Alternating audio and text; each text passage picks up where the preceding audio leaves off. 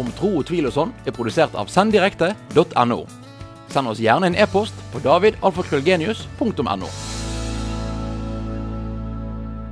Velkommen til eh, nok en ny episode av Om tro og tvil og sånn. Podkasten som handler om eh, tro på Gud, tro på mennesker og tro på muligheter. Tvil om det samme, og kanskje litt eh, om sånt. I dag skal vi f.eks. snakke om både iskrem og fotball sånn etter hvert. Det kommer vel under kategorien sånt, tenker jeg. Det er altså uh, julebordsesong, uh, mine damer og herrer. Uh, og vi lever midt i en pandemi, så det er utfordrende tider. Så for han som går rundt og snakker om at de tingene du ikke kan gjøre noe med, de må du lære deg å velge vekk, så er det jo dager nå der jeg virkelig må velge sjøl hva jeg skal konsentrere meg om, og hva jeg skal velge å legge vekk og legge i andres eller i Herrens hender. Det er Hva skal vi kalle det for? Interessante tider. Siden sist så har jeg vært så heldig at jeg får lov å lage julebord. Jeg har fått lov å lage arrangement, og jeg har fått lov å begeistre mennesker. og Jeg har fått pratet med masse hyggelige mennesker, og jeg har fått eh, innspill til sendingene her med både ris og ros. Så det skjer masse i verden, og livet er fremdeles, heldigvis, et godt sted å være. Siden sist så har jeg lest en eh, passasje i Bibelen. Der står i Johannes evangelium eh, kapittel 16 vers 33 dette har jeg talt til dere, for at dere skal ha fred i meg. I verden har dere trengsel, men vær frimodige, jeg har overvunnet verden. Og Da er det altså evangelisten Johannes som forteller, eller siterer Jesus, som sa dette. Og Hva er det han sier her, da? Hva er det han mener med dette her? Dette har jeg talt til dere for at dere skal ha fred. I verden har dere trengsel, men vær frimodige. Jeg velger å tro at dette handler om at Jesus sier til oss at livet er ikke nødvendigvis en dans på roser. Jeg opplever etter at jeg har stått frem som en kristen, at folk kommer liksom litt sånn der eh, halv eh, Ja, hva skal vi si Litt sånn nedlatende eller litt sånn småspydig og sier ja, så, så, nå tror du at nå fordi at du har valgt å bli en kristen, så er livet bare en dans på roser, og at alt er såre enkelt. Men det er jo ikke sånn det. Det er ikke sånn det er i det hele tatt. Men det er det at det hjelper for meg å ha et sted der jeg kan gå til tingene mine. Og han sier altså vi må stole på ham. Ha mot, sier han. Det er kanskje noe av det aller vanskeligste med å klare å leve som en kristen, det å klare å legge fra seg byrdene. Men det blir altså vanvittig mye enklere. Og det er litt det som jeg innledet denne sendingen med. Dette slåss jeg med nå hver eneste dag, omtrent fra time til time når jeg har panikk hver gang telefonen ringer. Jeg må legge det fra meg. Det er så masse her som jeg ikke kan gjøre noe med. Og den eneste jeg virkelig ødelegger alt for, hvis jeg går rundt og graver meg ned i alt jeg ikke kan gjøre noe med, det er jo meg sjøl. Og det å da ha et forhold til vår Herre og kunne legge det på Han og si, som Jesus sa et annet sted i Bibelen, ikke som jeg vil, men som du vil, så blir livet veldig, veldig mye enklere. Men så er det en interessant vri på dette her. og det er det at I den engelske oversettelsen av Bibelen så står det nemlig 'be of good cheer' hvilket betyr 'vær ved godt mot'. Og Hva betyr det? Jo, det betyr 'hold ut'. Det betyr at uansett hva som plager oss, uansett hva som treffer oss, uansett hvor vanskelig det er akkurat nå, så sier altså Bibelen, Jesus, Gud, vår Herre, hva vi velger å kalle det for, til oss, vær ved godt mot og hold ut. For det er noe bedre lenger der fremme. Det er i motbakke det går oppover, folkens. Det er vanskelige tider vi lærer. Det er i motgang vi lærer mest. Så var det Salomos ordspråk, da. Kanskje jeg har snakket, eh, hatt nok preken allerede, men det står noe i Salomos ordspråk som jeg også syns vi skal ta med oss i dag. Det står følgende Dåren bryr seg ikke om å være forstandig. Han vil bare vise hva han tenker i sitt hjerte. Salomos ordspråk, kapittel 18, vers 2. Hvor mange av oss er det som snakker før vi tenker? Vi reagerer istedenfor å respondere. Vi bare blørter ut med det vi har eh, på hjertet, istedenfor å faktisk tenke oss om. Lytte til den vi snakker med. Ikke bare betrakte si, Vente til lyden kom, slutter å komme ut av munnen på den vi prater med, sånn at når det blir stille, så er det vår tur å snakke. Men faktisk lytte til hva som blir sagt. Oppfatte det vi leser, forstå det vi hører. Og faktisk tenke gjennom hvordan vi snakker. Det er nok av de som snakker bare for å lage lyd. Forhåpentligvis er ikke jeg en av de. Jeg håper du har nytte av det som jeg snakker om, eh, men det vet man jo aldri. Men eh, jeg prøver i hvert fall å være så lite dåraktig som jeg klarer. Og da skal vi snakke om is og fotball og ta imot ukens gjest.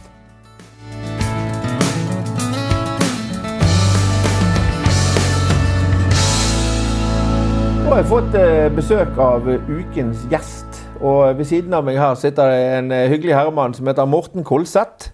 Administrerende direktør i Den norske isbilen og Isbjørnis. Ikke det det som er Og Isbjørnis Holding, som det egentlig skal være. riktig? Det er morselskapet. Men når jeg googler Morten Kolseth, så kommer det opp to ting. Is og fotball. Du spilte jo fotball på et eh, rimelig høyt nivå eh, for en liten stund siden. Det er et halvt liv siden. Det er det. Men det er riktig, det. Jeg, eh, jeg spilte fotball i Vadmyra, jeg var i Brann, jeg var i Løvhamn. Skulle trappe ned, så endte jeg i Askøy. Ja. Og siden har du blitt der. Ja, så har jeg blitt stuck her ute. Ja, sant. Men fotball, eh, lagidrett, lederskap Paralleller? Ja, det er mange paralleller der. Eh, når jeg spilte fotball, så var jeg som regel en litt annen person ute på banen enn det jeg er på privaten. Eh, som leder er jeg også en litt annen person når jeg er på jobb enn det jeg er på privaten. Så ja, det er en del paralleller. Fra utsiden så opplever jeg deg som en, en, si, en målrettet, bevisst og krevende leder. Eh, for du vet hvor du vil, og du forventer at de rundt deg gjør det de skal for å komme dit dere har bestemt i fellesskap. Er det, er det lagspillet som ligger i bunn? Det er mye lagspill som ligger i bunn. Definitivt. Um, jeg har en eh, filosofi, i hvert fall eh, på jobben, om at man skal ansette folk som er bedre enn seg sjøl på sine områder. Det er litt ubehagelig, det skal jeg innrømme, for man liker egentlig å styre veldig mye. Men samtidig skal du komme videre, så er du nødt til å, å ha ressurser som har spesialkompetanse på sine områder. Man kan ikke alt om alt. Nei. Men det der krever jo en, en, en viss grav av eh, ydmykhet også, med å akseptere at det er andre som kan ting bedre enn meg. Er det litt ubehagelig? Ja, sant? Det, kan jeg, det kan jeg se. Og så er det jo sånn at uh, Denne podkasten heter 'Om tro og tvil' og sånt. Her snakker vi om eh, tro på mennesker, og tro på Gud, og tvil om det samme. Og ikke minst tro på muligheter. Hva tror du på? Det som skjer, det skjer. Det tror jeg egentlig på, på holdt jeg på å si, helt på, på overordnet. Jeg er ikke veldig religiøs på noen som helst måte. Jeg har en tro som jeg tror de fleste andre nordmenn har. Eh, men jeg tror jo veldig på det jeg holder på med, da. Både på privaten og på jobb. Det er det som opptar meg. Hverdagen, hverdagstroen. Men det er ikke noe, er ikke noe kirke eller noe eh, Fader vår eller noe. Det er ikke noe sånt i Nei, det er ikke det. Nei. Det, det, det kan bli en gang vi er før jul, for å si det sånn, for å få litt den julestemningen. Ja, ja. Det, det er sånn vi har hatt det i familien i hvert fall. Men nei, jeg er ikke en sånn eh, som, som frekventerer hyppig der. Det er ikke jeg. Eh, men hvis det fantes en gud Mhm. Nå, eh, jeg, jeg tror, andre tror ikke, men det er ingen som vet. Ja. Men, men hvis det fantes en gud, og du kunne spørre han om noe, hva tror du du ville spurt han om da? Hva som kommer til å skje i framtiden, Om covid forsvinner, f.eks. for eksempel.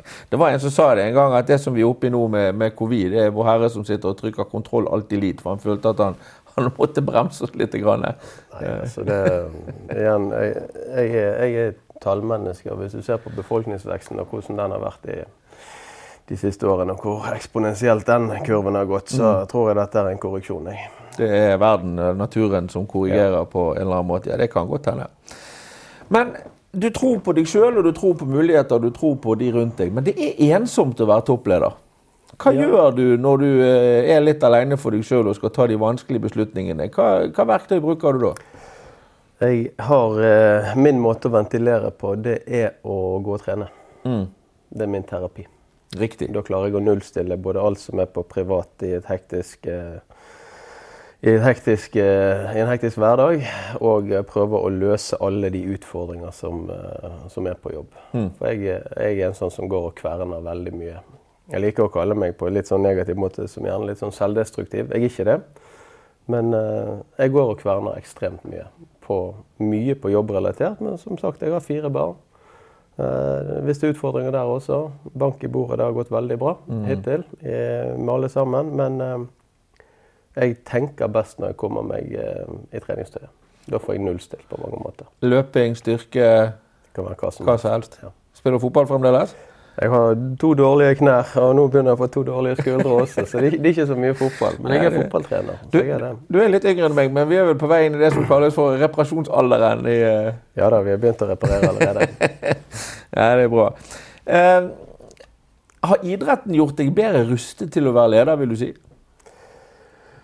Ja, på mange måter så har nok det det. Altså Fra tidlig alder så fattet jeg stor interesse for fotball. Jeg spilte i Vadmyra. Vi hadde gode lag, vi hadde gode trenere. Eh, man måtte ta ansvar. Ta ansvar for egen utvikling. Så jeg lærte tidlig dette viktigheten av å ta ansvar. Og være en god lagspiller. Men samtidig en som måtte ta ansvar. Derfor er det innprentet egentlig fra tidlig alder. Og gjennom fotball så opplevde jeg veldig mye. Kom tidlig med på aldersbestemte landslag f.eks. Jeg var kaptein i den første kampen vi spilte for Norge som 15-åring. Så jeg har alltid vært en som på banen har vært nødt til å ta mye ansvar. Og det tror jeg har preget meg litt sånn i arbeidslivet også, at man, man ikke er redd for å ta ansvar eller stikke fram hodet.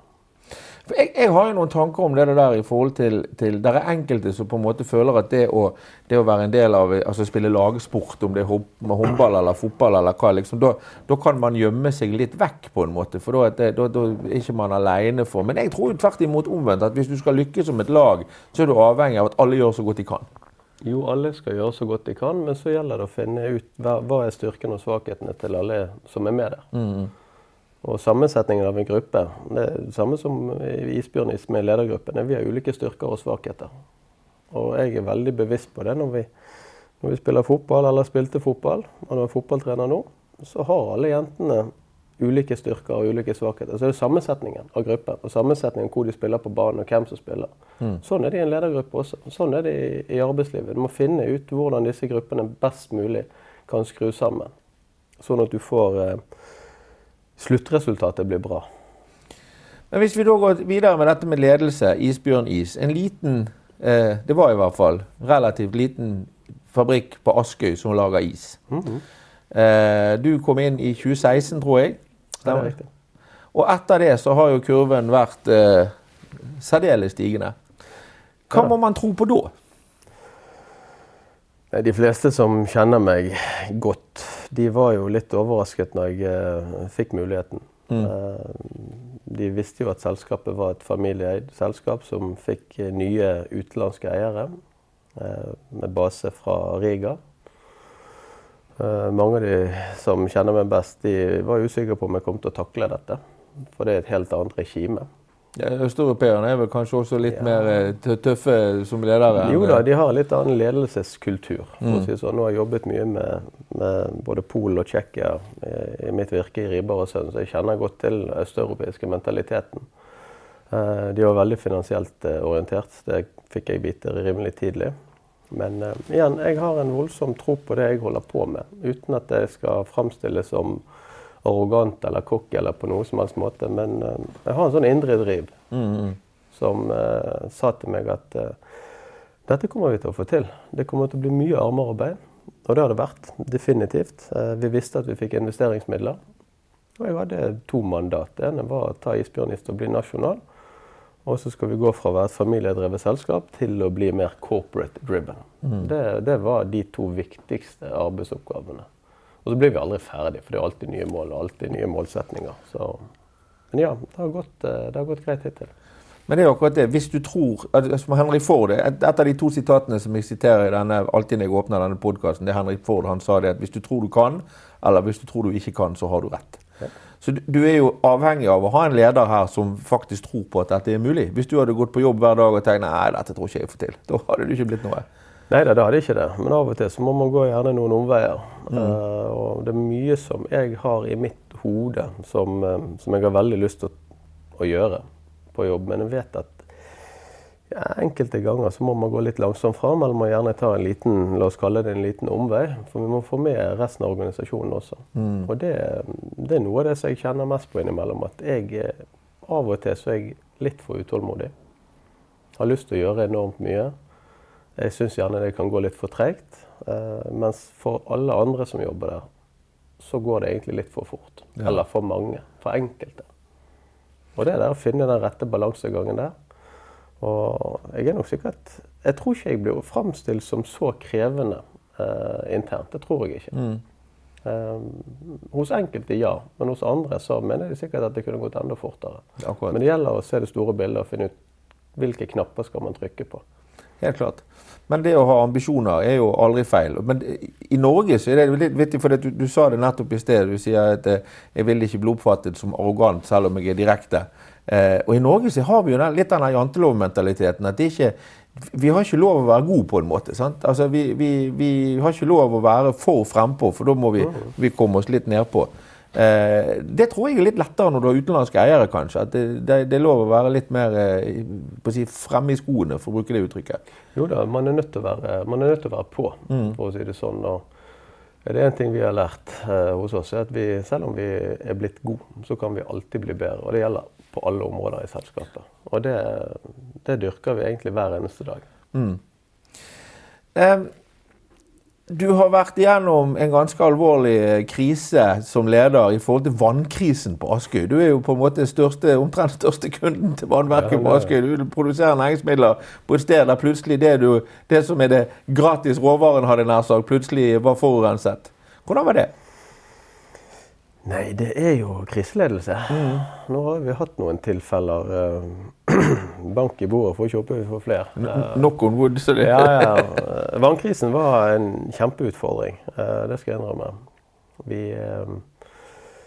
vi gjorde en risikoanalyse umiddelbart. Det var det første vi gjorde. Med en gang vi catchet at her kunne det være noe, så satte vi oss ned og så begynte vi å regne x antall dager tilbake. Mm. Så, og beredskap og beredskapsledelse, der har vi vært ganske gode. Så vi visste Før vi hadde fått kriseomfanget fra Askøy kommune, så hadde vi allerede sperret av eh, ti dagers produksjon. Mm. Og vi det, visste at ingenting var sendt ut til eh, distribunal osv. Det var mm. én palle som ble sendt klokken seks den morgenen. Vi hadde krisemøte klokken syv, så vi fikk stoppet. Ja.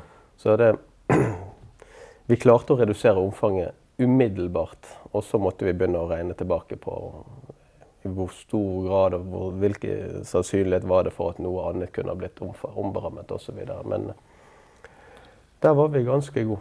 Det tør jeg påstå. Men der også må du jo tro på noe. For du har jo altså, når du produserer næringsmidler eh, Tro og tvil. Altså, vi forventer i Norge at det som kommer ut av springen, det kan vi drikke. Mm. Vi forventer at når vi skrur på lysbryteren, eh, så kommer lyset på. Ja. Og så plutselig så er vi i en situasjon der det ikke er sånn. Og du er ansvarlig for det folk spiser, de forventer bare skal smake godt og gi dem en god opplevelse. Da går vi inn og så ser vi på alle disse analysesertifikatene vi gjør av vannprøvene. Hver mm. mandag hvis jeg ikke husker feil, så tar vi analyseprøver av vannet i fabrikken. Og alle de analyseprøvene var jo OK. Og vi har jo et sikkerhetssystem i forhold til prøvetaking som er rimelig strengt. Norsk matsikkerhet er strengt regime. Mm. Vi var jo innenfor på alle våre produkter. Vi tester morgen og formiddag og ettermiddag. Og alle våre prøver av la oss kalle det bakterielle eh, eh, resultater var helt OK. Dette delte vi med Mattilsynet. og Det var jo i pinsen, dette, hvis jeg ikke husker feil. Mm. Vi er vel en av de ytterst få leverandørene i Norge som har fått besøk av Mattilsynet. Så fikk de inn første pinsedag for å gå gjennom alle resultatene våre. Det er godt gjort med offentlig ansatte å få de til å gå på jobb på den rødeste dagen. Ja da, det, det, Vi klarte faktisk det. Jeg husker jeg ringte til, til ordføreren på kvelden. Uh, om det var den kvelden det skjedde, eller om det var på lørdagen på pinseaften. Jeg tror det var på pinseaften. Jeg sa at nå må vi ha et beredskapsmøte. Nå må dere tenke på industrien. Mm møtte vi dem på formiddagen dagen etterpå. Og så fikk vi jaggu med Mattilsynet over. Vi gikk gjennom alle våre sertifikater og alle våre prøver og alle våre bevis. Tikk til boks. Vi var egentlig OK. Og så fulgte vi det opp med Rema etterpå. Og Rema var strengere enn Mattilsynet. De sa at vi anerkjenner at dere har full kontroll, eh, men vi vil ha enda strengere krav. Så vi sperrer siste ti dager. Mm. Men igjen, det Vi fikk kjørt oss. Det tror jeg på. Det. Men så kommer jo da eh, Det er hektiske dager, og du jobber jo 12-14-16 timer, og du løper, og det, er, og det er krise, og det er bakterier. og så Du sjekker som du sier, alle boksene og alt er greit, og det er analyser og det er papirer. Men så går Morten hjem alene eh, på rommet og legger seg til å sove om kvelden og er helt alene med seg sjøl og sine egne tanker. Hva skjedde da? Hvordan hadde du i forhold til det? Klarer du å skru av da, eller ligger du og kverner og, og lurer og har litt vondt i magen, tross alt, så er det viktige ting, dette. Akkurat den fredagen da tror ikke jeg jeg sov et eneste minutt. Da tror jeg jeg gikk døgnet rundt. Mm. Uh, jeg husker vi hadde, en, uh, hadde møte med styreleder og eierne på fredag kveld. Mens jeg hadde møte, så ble det publisert en artikkel i VG som styreleder refererte til. Og da var selve overskriften den var veldig misvisende. Det var, jeg tror det var klokken ti om kvelden på fredagen. Mm. Og det endte opp med at etter møtet med, med styreleder og, og, eierne, så måtte jeg ringe til VG. Fikk han der journalisten i tale. Vi fikk endret overskriften sånn at den ble korrekt. Ja. Uh, nytt styremøte, for dette var jo nasjonale medier. Og det var jo et voldsomt trøkk akkurat da. Uh, men vi fikk, vi fikk, tatt ned risikoen. Mm. Og det som ble kommunisert ut av det, at vi er en ansvarlig leverandør. Vi har kontroll på dette. Omfanget i Rema-butikken er ingenting. Eh, men vi tapte jo mye på det. Det er ikke til å legge skjul på. Omsetning. Vi måtte sperre rimelig mange dagers produksjon i høysesong, der vi mm. allerede var lav på beholdning. Og det tapet det valgte vi å ta, ta sjøl. Det gjorde vi. Og det var et, uh, syvsifret, uh, et bra syvsifret beløp. Såpass, ja. ja. Det er ordentlige penger, det. Ja. Men så spoler vi litt frem, og så kommer vi til, eh, til uh, i år, faktisk. Så fikk, hadde du en is som ble kåret til Norge Det var i år, tror jeg. Lakrisisen, var ikke det? Det ble Norges det, var, det var. Var det i fjor? Ja, I år var det bringebærpinn. Ja, unnskyld. Se der, så to år på rad så har du altså klart å fremstille noe som ble kåret til, til Norges beste. Det også handler jo om å tro på muligheten, ikke det? Jo da. Innovasjon er kjempeviktig innenfor iskrem. Og nå har det vært litt sånn at på Follesø så har vi investert veldig mye i, um, i å øke kapasiteten i produksjon. Mm. Uh, I år har på mange måter vært et sånn vi får ikke en omsetningsvekst i år, men det har vært planlagt. For fabrikken har egentlig vært uh, nesten bule i perioder. Vi har produsert det remmer kan holde. Nå får vi større kapasitet. Eh, men vi er nødt til å innovere. Vi er nødt mm. til å utvikle nye produkter, også fra Follesø. Det er kjempeviktig. Superspennende. Litt tilbake til fotballen, Morten. Du er fotballtrener, og du, og du eh, har på tiden, Når du spilte fotball, så tror jeg omgangstonen og muligheten for å kreve resultater og muligheten for å kjefte var eh, større enn de er i dag. Hvordan, har det da utviklet seg? Eh, jeg vokste opp i Vadmyra og spilte eh, mine første 18 år i, i. Der hadde vi veldig mange gode lag. Vi hadde gode trenere som ikke nødvendigvis var foreldre. Uh, ingenting gale med foreldretrenere, for jeg er det sjøl også. Uh, differensiering det var, det var, egentlig innarbeidet fra relativt tidlig alder. Uh, man hadde et første, og et andre og et tredje lag gjerne. Mm. Og Vadmøra var, var, flink. Vi var gode på aldersbestemt fotball, blant de beste i Norge. Så vi har faktisk vunnet sånn uoffisielt norgesmesterskap med Vadmyra. Mm. Vi ble nummer tre ene året, og året etterpå så eller to år etterpå, så vant vi. For det hadde vært en målsetning for oss. Vi var i Norway Cup og Dana Cup og Gotia Cup og de tre store sommerturneringene. Jeg kom til finalen hvert år. Fire år på rad. I Vadmøra der var de ganske klar på dette, at eh, alle skal ha tilbud. De som er mest interessert, de skal ha best tilbud. Og de som er mm. mindre interessert, de skal også ha tilbud. I dag er det litt mer rundt, eh, holdt jeg på å si, litt mer rundt. Alle skal være med, flest mulig, lengst mulig. Jeg syns egentlig det er kjempefint. Uh, og jo eldre de blir, så møter man litt den samme utfordringen som der man tidligere var litt mer A4. At ok, du blir plassert på det laget, du blir plassert på det laget. I dag er det mm. litt annerledes. Uten at det nødvendigvis er feil. Men, men opplever vi altså Jeg driver ikke med idrett, men jeg, når jeg sitter og ser det på utsiden som, som si, motivator og som veldig interessert i dette, så det der med at alle skal med, og alle skal få lov, og alle skal ha like mye av denne saken Mitt inntrykk er at det blir vanskeligere å dyrke vinnere. Jeg tror det er litt den norske idrettsmodellen. Den fungerer bra. Mm. Er, jeg, jeg, tenker at man skal ivareta de som kan og de som vil, men ikke får det helt til. De må man ivareta. Mm. Også de som er med bare på gøy, de skal også ivaretas. Men på en litt an, annen måte, for å si det sånn. Hvis, hvis, det er to som er med bare for uh, alle andre er med, mens uh, fem andre kan og vil, uh, og så må du ta hensyn til de to like mye som til de fem, og du risikerer at de fem kan gi seg da, fordi de blir så frustrert, det er ikke enkelt. Så Man må finne den rette balansegangen der for å ivareta alle. Men jeg er sjøl pappa som er, som er, trener, og vi er 33 jenter. Det fungerer greit. Men det er utfordringer, jeg skal innrømme det. Mm. Man skal se alle, man skal ivareta alle. Og så er det ulike behov også, selvfølgelig. Men eh, eh, Får du foreldre som kommer og begynner å beklage seg over at barnet mitt får ikke nok spilletid eller blir ikke sett nok, eller er det, er det en greie òg? Nå er vi heldigvis ganske mange trenere som er involvert i en såpass stor gruppe, og det må det være. for Hvis ikke så hadde ikke det gått i det hele tatt. Så nei, noen små utfordringer vil det alltid være. Men hvis du ser 20 år tilbake eller 30 år tilbake fra jeg spilte fotball, Så aldersbestemt. Det var mye mer satt i bås da. Mm. I dag er det mye mer samlet, syns jeg. Spennende.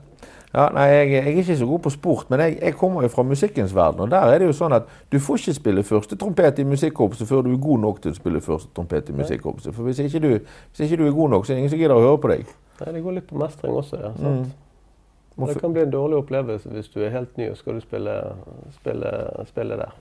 Helt klart. Morten, hva tror du om eh, den nære fremtiden, da? Vi, vi har helseutfordringer, vi har eh, Økonomien går egentlig så det griner etter. Folk reiser ikke, de er hjemme i Norge og spiser is osv. Hva tror du om 2022? Hvordan blir det? Jeg tror det blir eh, mye reising. Etter så godt, I forhold til, til isbjørnis, så merket vi at Norge åpnet opp. Det gikk ikke å ligge skjul på. Men jeg tror, jeg tror det kommer til å bli mye mer reising til neste år. Jeg tror nok det kommer en korreksjon eller to i forhold til covid-19, eller at det dukker opp andre ting. Eh, om, jeg skal, om jeg skal være spåmann. Noe kommer det til å være. Eh, men i forhold til, eh, til våre planer så føler jeg meg rimelig komfortabel med, med våre vekstmålsetninger. Vi får jo se. Vi har jo høstforhandlinger med kjedene som pågår nå. så Vi er ikke ferdig med det ennå. Men for Isbjørnis sin del så tror jeg dette kommer til å bli spennende i 2022. På privaten jeg håper at vi kan reise enda mer. Jeg savner det veldig. Men det tror ikke det er bare meg som gjør det. Jeg tror det- Jeg tror det er veldig mange som gjør det. To år siden jeg har vært i Florida. Da pleier jeg normalt sett å være to ganger i året, så jeg kjenner på Ja. det. ja. Så, Det hadde vært kjekt å kunne, å kunne gjøre litt mer som vi har pleid å gjøre. rett og slett. Morten, du er en travel mann. Tusen takk for at du kom. Eh, takk for Selv takk. praten. Selv takk. Da, takk nok en gang til eh, Morten Kolseth. Spennende samtale om eh, tro, syns jeg. Det ble jo et helt annet aspekt når vi tar Gud helt ut av dette her. Eh, og så snakker vi om tro på mennesker og muligheter. Og det er veldig spennende å høre hvordan man som leder reagerer både i kriser og andre steder. Så takk, takk til Morten Kolseth som kom og tok seg tid til å, å være med i dag. Så er det jo sånn at eh, Har du ris eller rose eller kommentarer, så er det fremdeles davidalfakrøllgenius.no som gjelder. For det er bare til å ta kontakt og, og sende mail. Tusen takk til deg som ser på. Nok en gang tusen takk til Morten som var her. Tusen takk til min eh, nærmeste medarbeider, produsent og tekniske guru John Edvard Genius. Jeg kan ikke si det, nå tror han jeg skal kjefte på han. Lillemann som sitter bak eh, spakene her, som gjør eh, dette mulig. Og eh, hvis du vil ha mer påfyll, så hvis du går inn på www.david.genius.no, der kan du både laste ned gratis e-bok, du kan melde deg på nyhetsbrev, og du kan lese blogger eh, til øyet blir stort og vått. Vi er tilbake neste uke med siste sending før vi tar juleferie. Da skal jeg ha en kjempespennende gjest. Da har jeg vært så heldig å få tak i ordføreren i Øygarden kommune, Tom Georg Indrevik. Og hvis ikke jeg tar feil, så kommer han her i studio til meg. Så det gleder jeg meg eh, veldig veldig mye til å prate med han. For der ute i Øygarden, der er de flinke å tro på muligheter. Og da avslutter vi sånn som vi pleier å gjøre, med at vi lyser velsignelsen. Herren velsigne deg og bevare deg. Herren lar sitt ansikt lyse over deg og være deg nådig. Herren løfte sitt åsyn på deg og gi deg fred. Om tro og tvil og sånn er produsert av senddirekte.no. Send oss gjerne en e-post på davidalfakrøllgenius.no.